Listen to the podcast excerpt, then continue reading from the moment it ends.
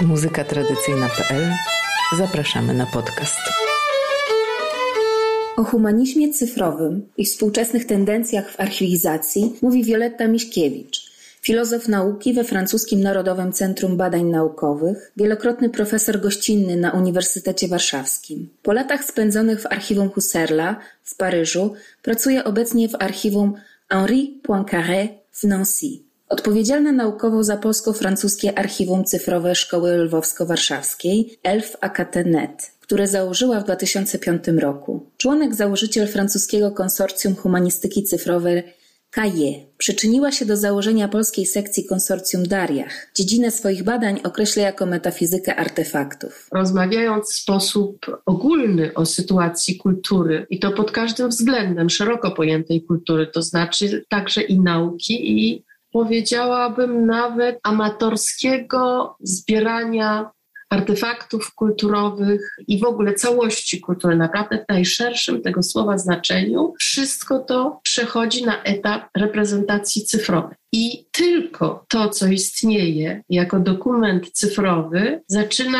istnieć w obiegu ogólnym i zaczyna zyskiwać dzięki temu wartość. To, co jest najważniejsze w tej sytuacji, żeby rzecz umieszczona jako item cyfrowy zyskiwała wartość, nawet to bym powiedziała pieniężną w jakimś tam końcowym etapie, to jest obecność, odnajdowalność i częstość pojawiania się tego dokumentu w sieci. To jest całkowicie inaczej niż w dawnych czasach. Istnieje taki francuski teoretyk kultury, trzeba powiedzieć, i filozof, który się nazywa Dewey i który ma pierwszą katedrę humanistyki cyfrowej na Sorbonie. On zaczął używać pojęcia humanizm cyfrowy. Humanizm cyfrowy to nie jest humanizm w sensie ideału humanistycznej ludzkości, tylko humanizm cyfrowy w jego ujęciu to jest oznaczenie stanu, w który weszła nasza cywilizacja. To znaczy, przeszliśmy na nowy etap. Humanizm cyfrowy to jest rzeczywistość społeczna, ekonomiczna, polityczna, socjalna dzisiejszego świata. To nie jest ideał, tak jak na przykład humanizm e, w renesansie opierał się na ideale starożytnym mądrości, piękna i dobra. To nie jest też humanizm taki mieszczański końca XIX wieku, początku XX wieku, gdy patrzono w stronę wschodu dalekiego i odkrywano buddyzm i inne uduchowione żeby poszerzyć humanizm ten nasz europejski. Nie, tu chodzi o to, na czym polega, jaka jest najistotniejsza w tej chwili i najbardziej nośna charakterystyka naszych społeczeństw zglobalizowanych. I to ten Dewey nazywa humanizmem cyfrowym. To polega na tym, że wszystkie dziedziny życia są albo wyrażane, albo opracowywane, albo zapisywane, produkowane, płacone. Wszystko odbywa się w sposób cyfrowy właściwie dziś już. I ci, u których to się jeszcze nie odbywa w sposób cyfrowy, to tylko dlatego, że to są takie peryferyjne ekosystemy, w których wartości też ekonomiczne z tego globalnego systemu cyfrowego spływają jeszcze i pozwalają im przeżycie. To oznacza, że po prostu tylko i wyłącznie to, co ma wartość informacyjną, w sensie cyfrową, bo jako informacja, nawet jeżeli bardzo kompleksowa, wchodzi w sieć globalną, tylko to w ogóle istnieje. I tu wspomnę o innym człowieku, Floridi, który e, ze swoją teorią czwartej rewolucji dokładnie to powiedział. Nie jest już najistotniejszy człowiek, który na przykład ma kilka profilów na sieci, dlatego że każdy ten profil jest autonomiczny i wcale nie jest oczywiste wiedzieć, że te wszystkie profile należą do jednego człowieka, to jest, staje się bardzo poważnym problemem już w tej chwili. Podobnie z rzeczami, które istnieją bardziej w formie reprezentacji cyfrowych, ich wartości jako informacji wymienialnej na internecie, niż e, przedmioty, które były przedtem, bo pracuje się prawie, że coraz więcej tylko na reprezentacjach cyfrowych. W związku z tym pierwsza rzecz, którą trzeba zrobić, to zaistnieć na internecie. A żeby zaistnieć na internecie, to trzeba być zauważony. Żeby być zauważonym, to trzeba nie tylko, że istnieć, ale jeszcze trzeba, aby każdy dokument, który się umieści na internecie, miał odpowiednie metadane. Te metadane to jest tak jak dowód osobisty na każdego dokumentu. W tej chwili wszystkie instytucje na świecie pracują na tym, jak to zrobić, żeby dokumenty, które są umieszczane, wszystko jedno jakiej natury, czy chodzi o teksty, czy chodzi o audio, czy chodzi o fotografię, czy chodzi o filmy, czy wszystko jedno. Jak doprowadzić do tego, żeby wszędzie na całym świecie w sposób całkowicie identyfikowalny, mimo tego niewiarygodnego obciążenia mhm. internetu, można było znaleźć dany dokument. W związku z tym polityka, która polega na tym, żeby zatrzymywać dla siebie jakieś dokumenty, wszystko jedno, czy to są dokumenty dźwiękowe, czy drukowane, czy inne y, jakieś obrazy, jest całkowicie kontrproduktywne. Jest to pozbawianie wartości tego, co się posiada. Dlatego, że cała wartość, cała wartość, w tym też i wartość finansowa, bierze się z tego, jak dany item funkcjonuje w sieci. I tylko z tego może się wziąć ewentualny zysk. Więc to taka ogólna obserwacja do całości tej sytuacji z początku, to znaczy tak z 10-15 lat temu, dokładnie w ten sposób zachowywały się najprzeróżniejsze archiwa tekstów. Żeby móc zeskanować coś, trzeba było płacić. W tej chwili ogólna tendencja polega na tym, że raczej ci zapłacą za to, żebyś coś wziął, jeżeli umieścisz to w waloryzującym kontekście, który będzie źródłem dochodu. Inaczej nic nie będzie. O sytuacji zbiorów dziedzictwa narodowego i tendencjach w archiwizacji w Polsce i Europie opowiada Sonia Wronkowska, pełnomocniczka dyrektora Biblioteki Narodowej do spraw rozwoju. Zajmuje się strategią rozwoju cyfrowego instytucji i funkcjonowaniem zbiorów cyfrowych w Bibliotece Narodowej. Pełni funkcję ekspercką, uczestniczy w spotkaniach i konferencjach międzynarodowych, obserwuje tendencje digitalizacji i udostępniania zbiorów w innych krajach. Przez wiele lat zajmowała się rozwojem Polony, czyli Biblioteki Cyfrowej, narzędzia udostępniania zbiorów Biblioteki Narodowej. To ja tylko słowem takiego wyjaśnienia, trochę może szerzej będę się wypowiadać w odniesieniu do tego, co nazywamy glamem w ogóle, czyli prawda, galerie, archiwa, biblioteki i muzea, czyli po prostu zbiory dziedzictwa kulturowego. Przede wszystkim interoperacyjność. Wydaje mi się, że to jest takie słowo klucz, które gdzieś tam we wszystkich takich wiodących instytucjach na świecie pojawia, a mianowicie wydaje mi się, że skończyła się taka epoka, w której wszyscy bardzo intensywnie digitalizowali i jakby jedynym celem było to, żeby zdigitalizować zbiory i je jakoś udostępnić. To już mniej więcej mamy opracowane pewne procedury, pewne standardy, jak to robić, jak to robić w dobrej jakości, to udostępniać, żeby użytkownicy mogli z tego korzystać, więc wydaje mi się, że ta era właśnie takiej boom digitalizacji jest już za nami, natomiast teraz e, zaczęły się pojawiać nowe pytania, a mianowicie mamy te różne instytucje i każda z nich tworzy sobie takie, jak to się mówi w żargonie, silosy i w nich gromadzi swoje zbiory. Natomiast użytkownik, prawda, ktoś szuka jakiejś książki, to dla niego nie jest do końca istotne, czy ta książka jest w Bibliotece Narodowej Polski, czy w British Library. On chce po prostu tę książkę przeczytać, niezależnie gdzie ona została zdigitalizowana i tak dalej. Więc pojawia się taka bariera, że te silosy instytucjonalne są w pewien sposób z punktu widzenia użytkownika niezrozumiałe. Więc najważniejszym chyba teraz takim zagadnieniem jest to, żeby te, żeby te zbiory mogły się mieszać, żebyśmy mogli się wymieniać tymi zbiorami między instytucjami, żebyśmy mogli tworzyć biblioteki cyfrowe, które, czy te,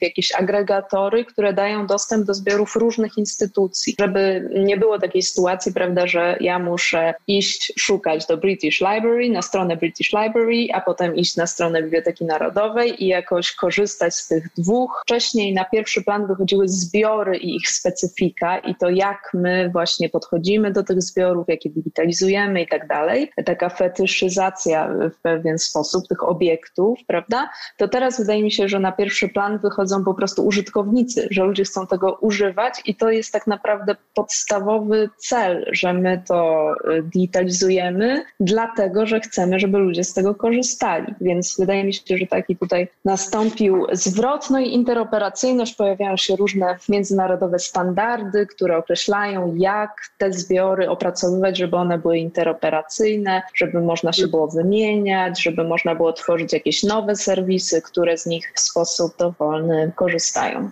Ja y, mówiąc tutaj o bibliotekach narodowych, mówię w pewien sposób o instytucjach takich uprzywilejowanych, można powiedzieć, które mają bardzo dużą kadrę. Więc my tutaj jako największa instytucja kultury w Polsce, Biblioteka Narodowa i pewnie w wielu krajach biblioteki narodowe są właśnie największymi instytucjami kultury, my po prostu możemy sobie pozwolić na to, żeby poświęcić czas, zasoby ludzkie, na to, żeby się zapoznawać z tymi międzynarodowymi standardami. W pewien sposób kształtuje nasz rozwój Unia Europejska i środki, które otrzymujemy z Unii, czy o które tam, o które wnioskujemy w Unii Europejskiej, ponieważ tam już też się pojawia takie ukierunkowanie, że, że, nie że to digitalizacja nie jest tylko dla digitalizacji, tylko my musimy tam napisać po co, jacy będą użytkownicy, jakie będą skutki tej digitalizacji, prawda, że to nie może być sztuka dla sztuki, tylko to musi mieć jakiś konkretny cel. I też jako instytucja publiczna my też w pewien sposób e, musimy zawsze uzasadniać, że to, co robimy, to jak wydatkujemy środki,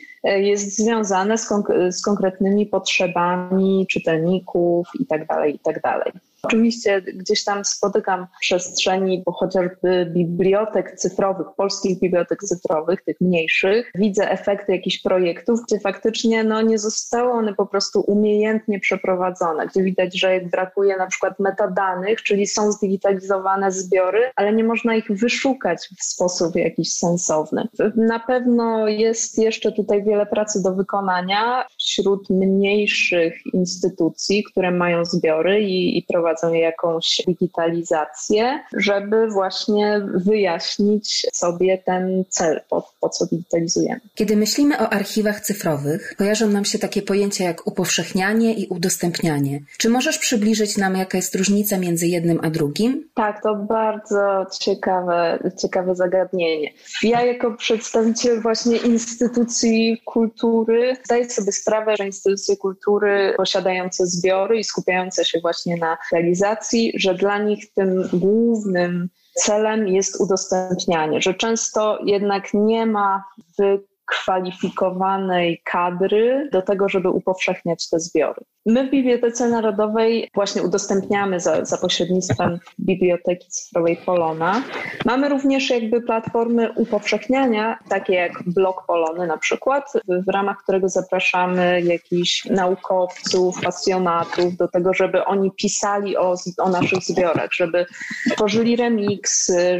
Mamy taką serię, gdzie ktoś czyta stare książki i mówi, czy one są fajne, czy one, czy je poleca, czy nie poleca. Wiemy, wiemy ze statystyk chociażby, że to jest bardzo cenne źródło dla ludzi. Również jeśli myślimy o funkcjonowaniu pewnych zasobów cyfrowych w ogóle w sieci, to samo ich udostępnienie na przykład w bibliotece cyfrowej to ma powiedzmy efekty jakieś e, znikome. Ich, ich pozycjonowanie na przykład w wyszukiwarkach internetowych jest bardzo niskie, natomiast jeśli już pojawi się cokolwiek na temat tego zasobu, jakiś tekst na blogu, czy na Wikipedii pojawi się odnośnik na przykład do dzieł jakiegoś, jakichś polskich autorów, to zaraz e, to pozycjonowanie w Google na przykład idzie do góry. Także zdajemy sobie sprawę, że każde takie działanie dookoła naszych zbiorów e, jest bardzo cenne, wpływa pozytywnie na wzrost czytelnictwa, na jakieś interakcje, bo jak ktoś zobaczy jedną książkę, to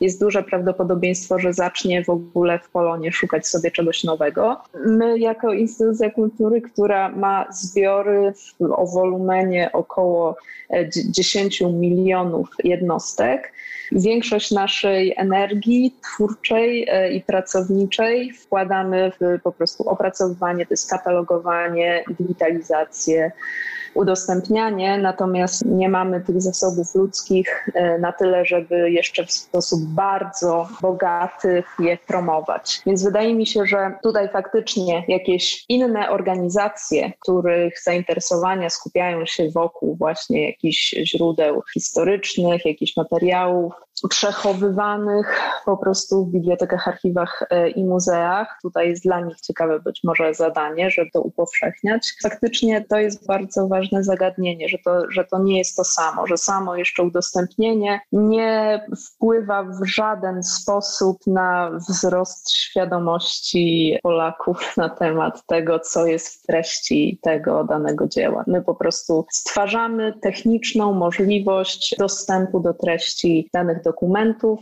niekoniecznie właśnie to ma jakiekolwiek przełożenie na upowszechnianie tych zasobów. Że promocja jest istotna, to oczywiście tak jest prawda i my zdajemy sobie z tego sprawę. I to, to, co podkreśliłam wcześniej, że my nie możemy dużo tych zasobów ludzkich przeznaczyć do tej promocji, natomiast chcemy chociażby ten blok Polony został założony w 2013 bodajże roku, właśnie żeby być taką, taką iskierką zapłonu, żeby pokazać spójrzcie ludzie, takie rzeczy można robić z naszymi zbiorami, więc teraz wasza kolej, że to jest taka inspiracja po prostu dla innych ludzi i tu również taką strategię zastosowaliśmy, że zapraszamy jakichś pasjonatów, naukowców, żeby oni sami pokazywali innym użytkownikom, co oni robią z tymi zbiorami. Że nie wiem, mieliśmy Magdę Teichmę, która wykonała jakąś e, melodię beduińską e, z rękopisu Rzewuskiego. To jest przykład, w jaki sposób można właśnie kreatywnie wykorzystać nasze zbiory do po prostu swojego hobby, czy to do swojej twórczości artystycznej. Więc e, na ile możemy, to, to dla nas zawsze ta promocja w naszych projektach jest istotna. Nie tyle, żeby właśnie zasypywać ludzi jakimiś tekstami popularyzatorskimi, ale żeby po prostu pokazać im, dać im dobry przykład i potem liczyć na to, że oni trochę e, chwycą ten pomysł i będą e, sami coś wokół tych zbiorów robić. I to jak na razie wychodzi. Bazując na Twoim doświadczeniu, czy możesz powiedzieć nam, jakie są obawy, problemy, trudności w udostępnianiu? Jak mogą radzić sobie z nimi inne instytucje? Taką kwestią istotną i której e, się boją te instytucje dziedzictwa, wydaje mi się, że jest takie przeświadczenie, że udostępnianie w internecie powoduje zmniejszenie, nie wiem, udostępniania fizycznego bądź y, zwiększona aktywność danej instytucji właśnie w internecie powoduje jej jakąś zmniejszoną aktywność w świecie rzeczywistym, co jest, co jest nieprawdą. Obserwujemy, że właśnie zwiększanie naszej obecności w, nie wiem, w mediach społecznościowych czy w ogóle w przestrzeni internetu wcale nie przekłada się na to, że mniej osób przychodzi do Biblioteki Narodowej. Wprost przeciwnie. Dzięki korzystaniu z, z właśnie mediów społecznościowych docieramy do jakichś zupełnie nowych grup użytkowników, dla których, e, nie wiem, jakiś obiekt spolony czasem staje się memem, bo jest jakąś głupią książką sprzed 100 lat. Ktoś w ogóle pierwszy raz e, usłyszy o Polonii i o działalności Biblioteki Narodowej za pośrednictwem tego, więc wydaje nam się, że wzrost czytelnictwa internetowego jakby wcale nie przekłada się na degradację czytelnictwa fizycznego, że jest to po prostu pewna przemiana, no, z którą musimy się w jakiś sposób pogodzić. Podobnie o tej interoperacyjności, o której mówiłam na początku, czyli o tym, żeby się wymieniać zbiorami. To też pewien, myślę, jeszcze kilka lat temu był pewien strach wokół tego, że, prawda, że my e, w pewien sposób instytucje nie chcą, nie chcą udostępniać w sposób otwarty, bo boją się, że stracą kontrolę nad tymi swoimi zbiorami. Wobec tego mamy różne kurioza, na przykład archiwa watykańskie naklejające taki znak wodny na swoich plikach, który uniemożliwia czasem odczytanie, no ale jest to, prawda, idiotyczne. My też już y, udostępniając tam wersję Polony, tą nowoczesną, powiedzmy w 2013 roku, wtedy jeszcze y, to było trochę takie wizjonerskie podejście, bo wtedy jeszcze wiele instytucji na świecie bało się udostępniać w sposób otwarty, w wysokiej jakości, właśnie mając z tyłu głowy to przeświadczenie, że udostępnianie otwarte w internecie jakoś im zaszkodzi, prawda, że ludzie będą to jakoś wykorzystywać. Nie, nie wiem w sumie z czego się bierze ten strach, że ktoś po prostu będzie sobie czytać jakiś rękopis bez znaku wodnego. Natomiast z biegiem lat widzimy, że e, już większość instytucji jakby odchodzi od tych środków, co znaczy, że też doszli do wniosku, że to nie ma większego sensu, że jednak nie ma jakichś strasznych konsekwencji tego, że udostępniamy coś w wysokiej jakości i ludzie mogą sobie z tego korzystać. A być może jest wprost przeciwnie, że udostępnianie w wysokiej jakości, co, co pokazuje na przykład Polona, że my udostępniamy w wysokiej jakości, więc ludzie robią z tego jakieś plakaty, są okładki książek, prawda, gdzie widać, że są wykorzystane zbiory z Polony. W przestrzeni takiej e, wizualno-artystycznej na rynku wydawniczym widać bardzo dużo materiałów, które pochodzą z Polony, że ludzie je wykorzystują. Tym samym jakby nakręca się promocja, bo ktoś widzi fajną okładkę, otwiera książkę, widzi, że tam wykorzystana została grafika z Polony, więc mamy dodatkowe wejścia, dodatkowe jakby grupy czytelników, które może nie, nie są typowe, typowymi molami książkowymi, bo są może nie wiem, artystami wizualnymi czy grafikami, a dzięki temu wejdą do Polony i dowiedzą się czegoś więcej, czy będą przeszukiwać nasze zbiory. Więc takie strachy, które w wielu instytucjach jeszcze były i być może jeszcze są, jakby doświadczenie pokazuje, że one są zupełnie y, nieuzasadnione. Czy widzisz jakiś sposób, żeby te dobre praktyki przenieść? Czy istnieje jakiś formalny sposób, sposób narzucający stosowanie dobrych praktyk w innych przypadkach, w innych sytuacjach. To, to znaczy, tu już w ostatnich latach obserwujemy pewne narzędzia y, wprowadzane odgórnie, które właśnie to, to regulują. To po pierwsze jest Unia Europejska, o którą już wspominałam. Wiele projektów digitalizacyjnych w Polsce jest finansowanych ze środków y, unijnych i tam pojawiają się konkretne jakby wymogi wobec tych, wobec udostępniania tych zbiorów czy jest to kwestia właśnie punktowania projektów na etapie oceny, że te zbiory powinny być bez żadnych ograniczeń udostępniane i tak dalej, i tak. Więc to jest jedna rzecz. Powtóre pojawiają się też takie narzędzia, jak na przykład nie wiem, Ministerstwo Nauki, nie wiem czy ono się wciąż tak nazywa, Nauki i Szkolnictwa Wyższego, prowadziło zapisy dotyczące projektów naukowych realizowanych w ramach NPRH bodajże, e, że ich wyniki, że publikacje, które są wynikami projektów mają być udostępniane w Polonie na licencji.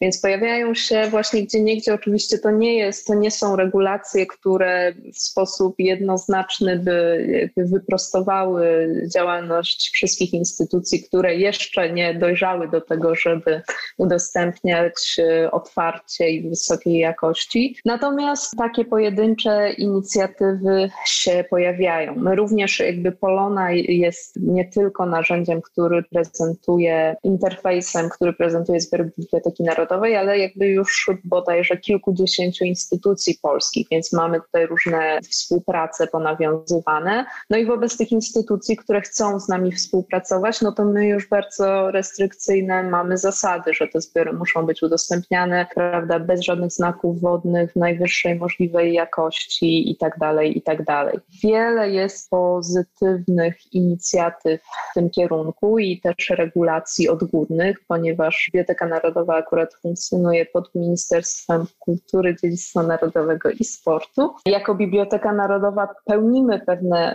funkcje, na przykład Centrum Kompetencji do spraw digitalizacji zbiorów bibliotecznych. I są takie centra kompetencji w Polsce, które odpowiadają za digitalizację, za jakby rekomendowanie dobrych praktyk w stosunku do digitalizacji różnych e, typów zbiorów. My akurat tutaj pełnimy te funkcje, jeśli chodzi o zbiory biblioteczne. Natomiast to jest oczywiście działalność na zasadzie rekomendacji, na zasadzie konsultacji, do, jeżeli ktoś działalność digitalizacyjną chce prowadzić i jakby ma jakieś pytania, wątpliwości, to my tutaj możemy służyć naszą e, radą i doświadczeniem i chętnie to robimy. Natomiast jest to oczywiście wszystko kwestia raczej dobrowolna niż narzucania komukolwiek jakichś rozwiązań. Trochę rozbijamy się o takie rozwiązanie systemowe. My nie możemy czegoś przeskoczyć, narzucić czegoś innym organizacjom, ponieważ nie, nie mamy po prostu takiego prawa. Nasze nadrzędne Ministerstwo Kultury nie daje nam takiej mocy w Polsce. Dla porównania y, mogę podać przykład, jak to wygląda w Norwegii, gdzie też akurat y, pracuję przy projekcie w Bibliotece Narodowej Norwegii. Tam państwo uprawniło Bibliotekę Narodową jakby do sprawowania takiej kontroli merytoryczno-technicznej nad całością działalności digitalizacyjnej w instytucjach kultury. Więc oni w ogóle digitalizują zbiory wszystkich bibliotek, muzeów i archiwów. Oni dostają na to ogromny budżet, mogą budować park maszynowy specjalizowany, zatrudniać osoby i e, tutaj jest w pewien sposób ta digitalizacja scentralizowana dzięki czemu można zapewnić, że wszystkie te zbiory cyfrowe w kraju są na takim samym wysokim poziomie technicznym oraz takie same strategie jakby otwartości reprezentują i tak dalej. U nas sytuacja jest e, jakby trochę inna i z tym w pewien sposób nie, nie możemy walczyć, nie mamy narzędzi, żeby jakoś tam oddolnie e, zmieniać. Natomiast jak mówiłam, Pojawiają się y, również ze strony ministerstwa bardzo y, ciekawe i wartościowe y, inicjatywy i narzędzia, no tylko, że to oczywiście wszystko wymaga czasu. Zanim te narzędzia uzyskają, powiedzmy, wyprodukują jakieś efekty, no to miną lata. Rozmowy prowadzili Joanna Skowrońska, Joanna Szaflik i Piotr Baczewski. To był podcast muzykatradycyjna.pl. Do usłyszenia.